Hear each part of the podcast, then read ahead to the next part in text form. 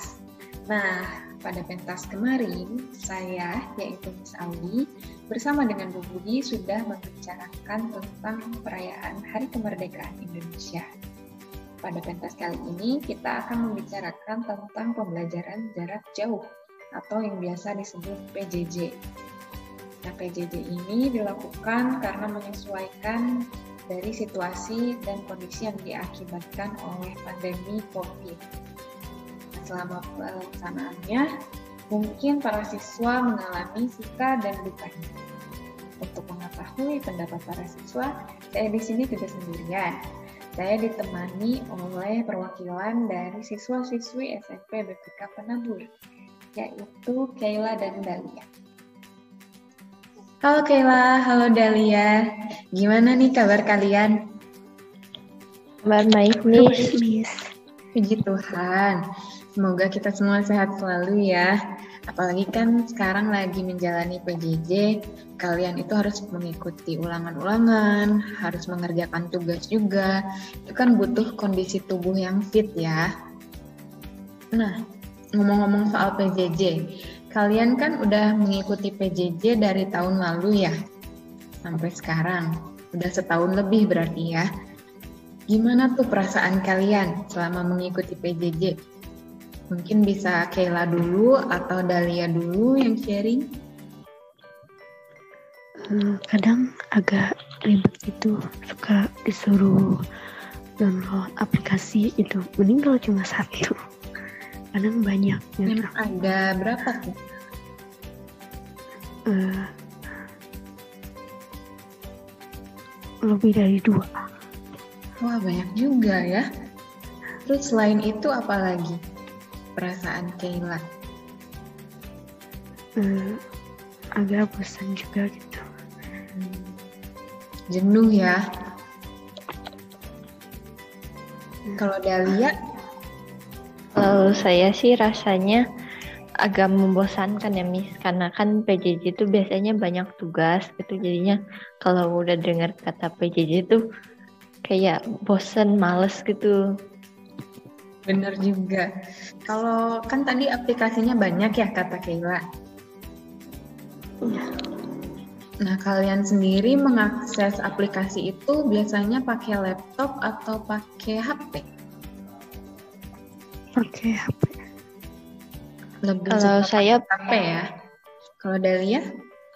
Kalau saya pakai dua-duanya Miss, pakai laptop iya, HP juga iya.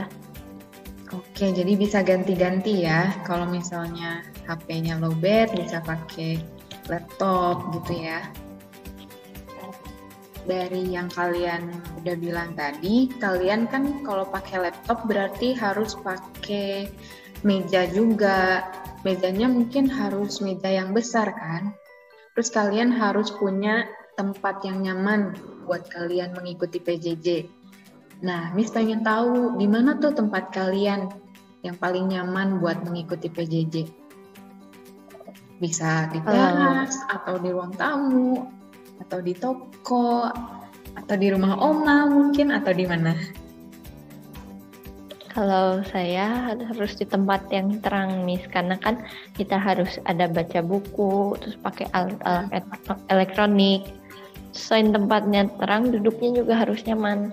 Kan kita tuh bakal lama gitu belajarnya. Iya, betul. Biar terhindar dari gangguan ya. Kalau Dahlia lebih suka tempat yang private berarti ya.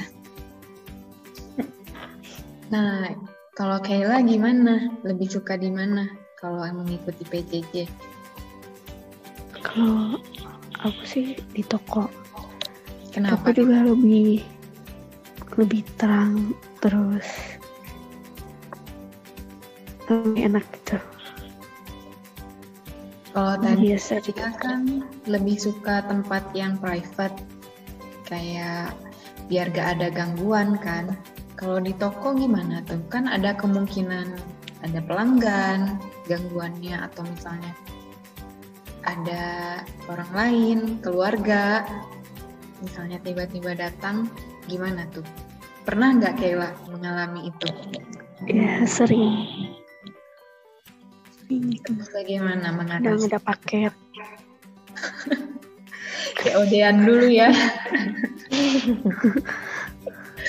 uh, kan ada ada apa sih tuh kadang kalau ada uh, ada yang ada pelanggan gitu atau ada paket sama papa diambil ya oke kalau kalian kan tadi udah dibilang ada gangguan ini gangguan itu itu kan yang terjadi selama PJJ kalau selama tatap muka mungkin gangguannya lebih sedikit ya. Iya. Daripada yang PJJ. Nah, iya. kan lebih suka PJJ atau lebih suka tatap muka berarti? Kalau aku lebih suka tatap muka. Kalau Dahlia? Aku juga lebih suka tatap muka. Coba kalian sharing alasannya kenapa sih kalian lebih suka tatap muka? Kalau saya karena uh, jadi lebih gampang gitu buat guru-guru tuh lagi memantau anak-anak pada lagi apa. Uh, terus juga jadi nggak terlalu banyak gangguan karena orang-orang tahu gitu kita tuh lagi belajar terus tempatnya juga lebih private lagi di sekolah. Kalau Kayla apa alasannya? Kalau aku kalau tatap muka itu kendalanya lebih sedikit. Bisa kalau kendala PJJ kan dari internet, terus ada yang nggak on cam, terus dipanggilin berkali-kali sama gurunya sekitar lima menitan gitu, ganggu. Kalau PJJ kan eh, nggak uh, ada yang kayak gitu. Jadi benar kata kalian, jadi bisa langsung dipantau gitu ya sama gurunya. Kalau PJJ kan lebih susah ya karena jarak jauh. Kalau selain itu, apa sih yang kalian rindukan selama pembelajaran tatap muka itu? Apa yang paling kalian kangenin? Kalau saya sih lapangan sekolah kan lagi pelajaran olahraga bisa lari-lari. Kalau di rumah kan lebih kecil tempatnya, jadinya nggak bisa gimana banget. Oh iya.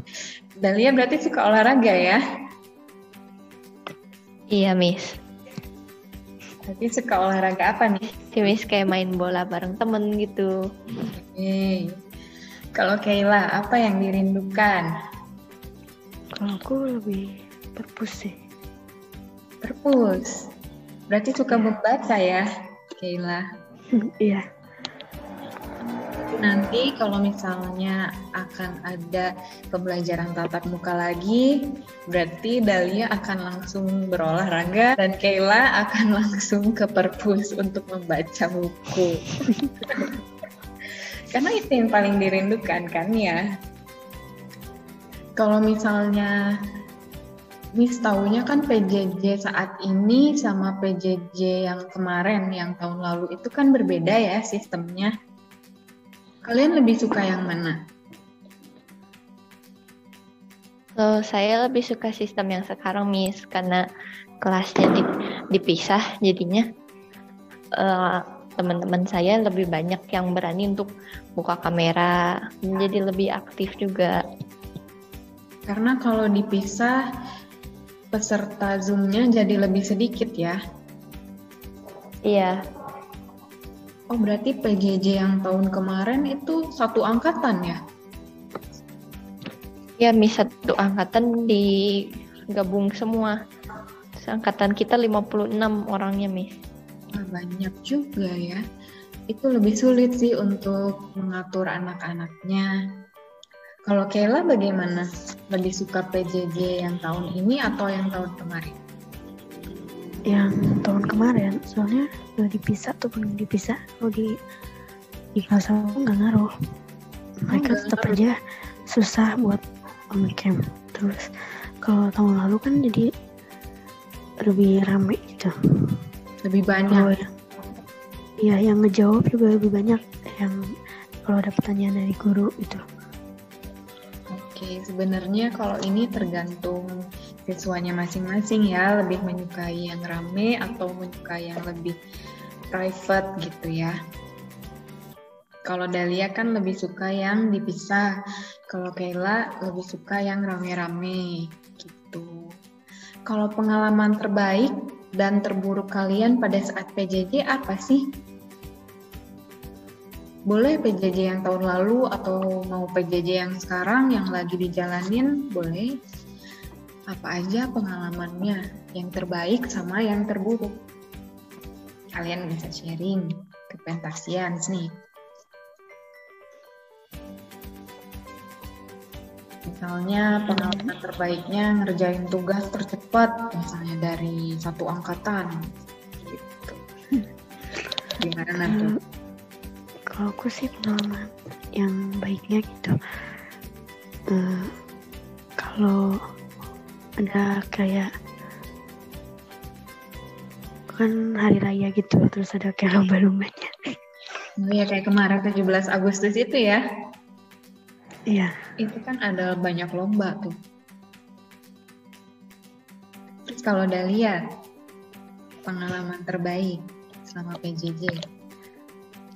Kalau aku itu ngejain tugas bisa cepet jadinya tuh punya jam kos gitu buat istirahat lagi atau makan kalau misalnya tadi pagi nggak keburu sarapan ya jadi nah, ada jadinya enak nih hmm, benar benar benar kalau pengalaman terburuknya apa?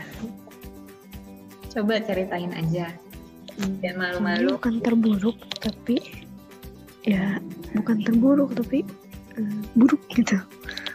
Eh, apa coba?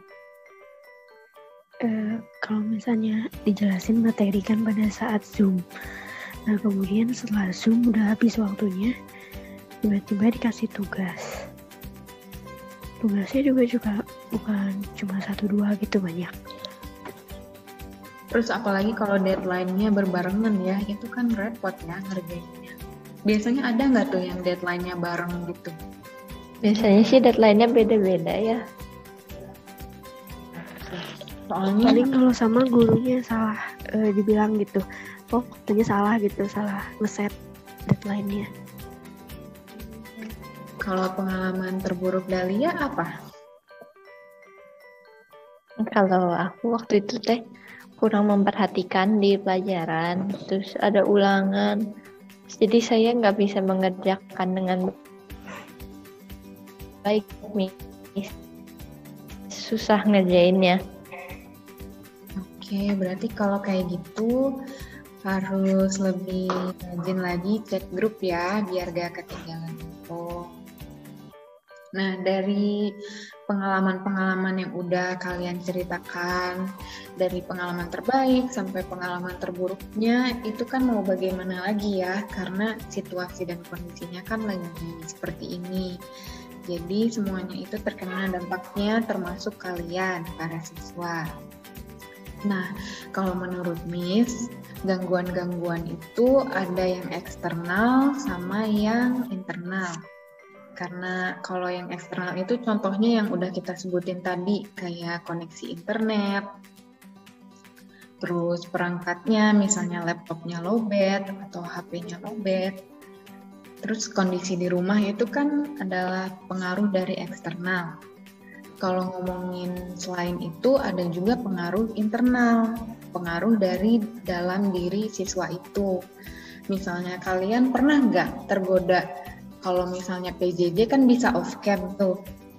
Pernah nggak kalian tergoda misalnya lebih memilih untuk off cam karena kalian mau main game misalnya atau mau nonton YouTube atau mau main TikTok, scroll TikTok atau scroll Instagram. Pernah nggak kayak gitu? Hmm, kalau aku sih uh, lebih gimana ya? Sering on on cam gitu. Kalau off cam paling uh, waktu dikasih quizzes gitu. Otomatis ke off kameranya. Oke okay, pindah aplikasi Nah, kalau Dahlia gimana nih? Pernah nggak ada pengalaman tergoda misalnya untuk main game atau tergoda untuk melakukan hal yang lain? Sehingga Pernah, Miss. Apa tuh? Iya, itu saya waktu itu lagi pelajaran, tapi kayak rada bosen gitu, jadi saya tergoda untuk sambil main game gitu atau sambil nonton. Oke, main game atau nontonnya itu sampai akhir kelas? Atau akhirnya Dalia memutuskan untuk berhenti main game?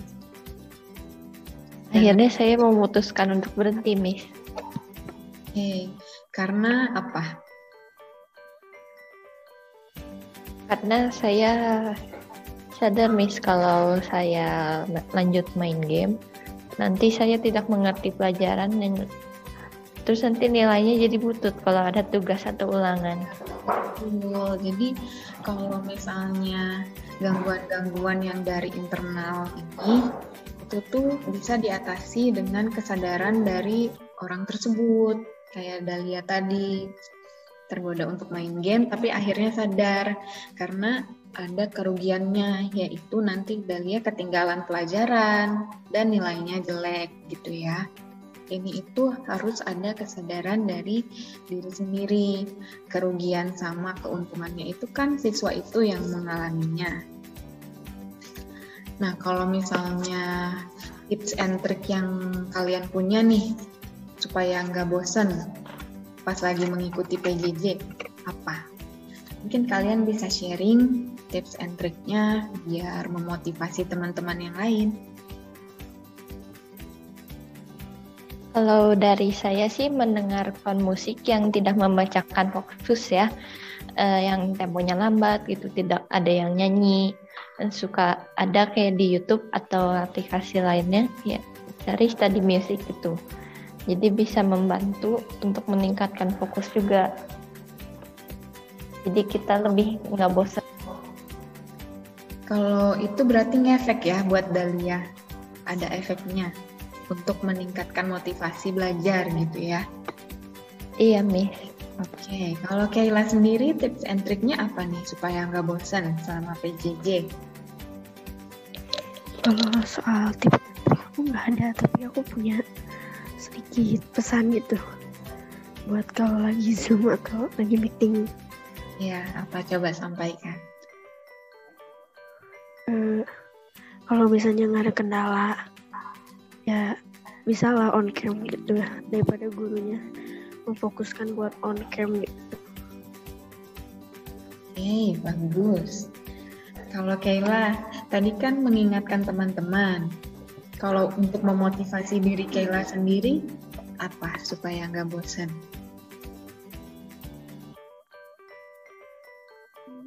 Misalnya Kayla tempelin quotes-quotes bijak di meja belajar Kayla supaya memotivasi belajar.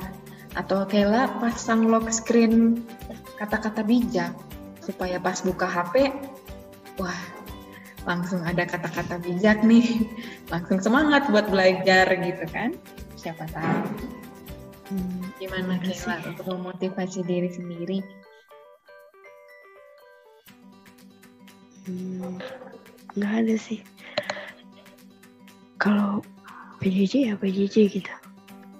Nah, nggak ada. Nih, itu gitu harus bisa membedakan kapan harus belajar dan kapan harus santai ya, kapan harus main dan melakukan hal lain. Harus bisa membagi waktu. Jadi tips and triknya yang lain itu untuk pentasians adalah time management. Jadi kalian harus membagikan waktu kapan kalian harus serius, kapan kalian harus mengerjakan tugas, kapan kalian harus main game. Itu kan harus dibagi waktunya kalian sendiri kan pasti melakukan time management dong. Setelah PJJ kan pasti kalian melakukan aktivitas misalnya bimbel, kumpul keluarga, main game, atau skincarean, atau kayak gimana. Itu kan kalian pasti bagi-bagi waktunya. Mungkin kalian bisa sharing nih setelah PJJ biasanya kalian ngapain. Mungkin kalian bisa sharing gimana caranya kalian mengatur waktu kalian. Kalau saya habis PJJ biasanya ada istirahat dulu. Misalnya sejam gitu atau 30 menit baru lanjut uh, kalau saya les biasanya. Terus karena lesnya offline jadi beri waktu lebih banyak untuk pergi juga ke tempatnya. Terus abis les juga istirahat lagi jangan terlalu terus-terusan les terus karena kita juga capek nanti sendirinya. Betul. Otak juga bisa jenuh kan ya, butuh hiburan yeah. juga. Jadi gitu ya caranya Dahlia membagi waktunya antara belajar pada saat PJJ, pada saat bimbel, dan sisanya itu untuk istirahat ya. Kalau Kayla, gimana nih time managementnya? Setelah PJJ biasanya Kayla ngapain dan bagaimana cara mengatur waktunya? Kalau aku suka, aku suka art ya. Aku suka kayak gambar atau hmm, main-main gitu yang berkaitan dengan art gitu. Jadi waktu luangnya itu dihabiskan untuk hobi Kayla ya. Hobi Kayla kan gambar soal art gitu ya. Iya soalnya nggak ada bimbel nggak ada les gitu okay, bagus jadi kalian udah punya time management masing-masing tetap banget memang time management itu penting banget kalau menurut Miss karena kita kan jadi harus mengambil keputusan tuh kapan yang harus dilakukan. Yang paling urgent tuh pasti dilakukan paling awal kan. Misalnya kayak ngerjain tugas, itu pasti dilakukan paling awal. Sementara kalau untuk istirahat, main game atau untuk hobi itu kan bisa ditunda atau bisa dilakukan nanti. Itu kan keputusan kita dalam mengambil tindakan itu kan didasarkan pada skala prioritas jadi kita harus memprioritaskan yang penting dulu, yang bisa ditunda, biar nanti saja pengerjaannya. Oke, okay, bagus bagus. Kalau ini nih pesan deh, pesan dari kalian yang bisa memotivasi kepada teman-teman semua. Mungkin kalian bisa kasih quotes buat teman-teman supaya lebih semangat mengikuti PJJ. Apa? PJJ karena corona ya. Iya. Nah, sih berkaitan dengan corona nih. Oke, hey, boleh boleh. Silahkan Kayla. Apa tuh quotesnya? Ya, corona, corona tuh cuma sementara dan nggak nggak bisa gitu dijadiin halangan atau gangguan buat kita belajar dan halangan atau gangguan kita iya. belajar itu kan ada pada diri kita sendiri seperti kayak keinginan buat melakukan hal lain di luar pelajaran. Hei, mantap Kayla. Dan dia jangan mau kalah. Gimana quotes-nya? Berusaha lah, karena di dunia ini tuh nggak ada hal yang pasti tetap gitu terus. Semua hal tuh berubah-berubah. Jadinya berusahalah supaya kita bisa menyesuaikan jangan sampai berubahnya terlalu banyak gitu. Oke, mantap-mantap ini siswi-siswi BPK Penabur. Bagus, thank you quotes-nya. Semoga bisa menyemangati teman-teman khususnya pentasians yang masih menjadi pelajar ya, supaya bisa termotivasi untuk mengikuti PJJ supaya tidak bosan dan lebih aktif lagi. Wah, Gak kerasa nih, kita sudah berbicara panjang, mulai dari kesan dan pesan ya tadi, terus kerugian, keuntungan, terus pengalaman terbaik, pengalaman terburuk, sampai pada time management, dan kalian sendiri udah ngasih tips and tricks dan quotes yang bagus buat menyemangati teman-teman semua. Semoga podcast kali ini bisa bermanfaat buat Mentasians, dan sebelum kita mengakhirinya, Miss mau berterima kasih dulu kepada Kayla dan Dalia yang sudah mau menjadi guest pada podcast kali ini. Makasih ya kalian udah meluangkan waktu. Ya Miss, makasih juga ada dikasih kesempatan buat bisa ikut podcast. ya kalau misalnya dijadiin guest buat podcast podcast berikutnya jangan kapok ya. Oke, okay, kalau gitu buat pentasian semua semangat terus, sehat selalu, Tuhan berkati. See you di podcast berikutnya. Bye. Bye. Oke. Okay.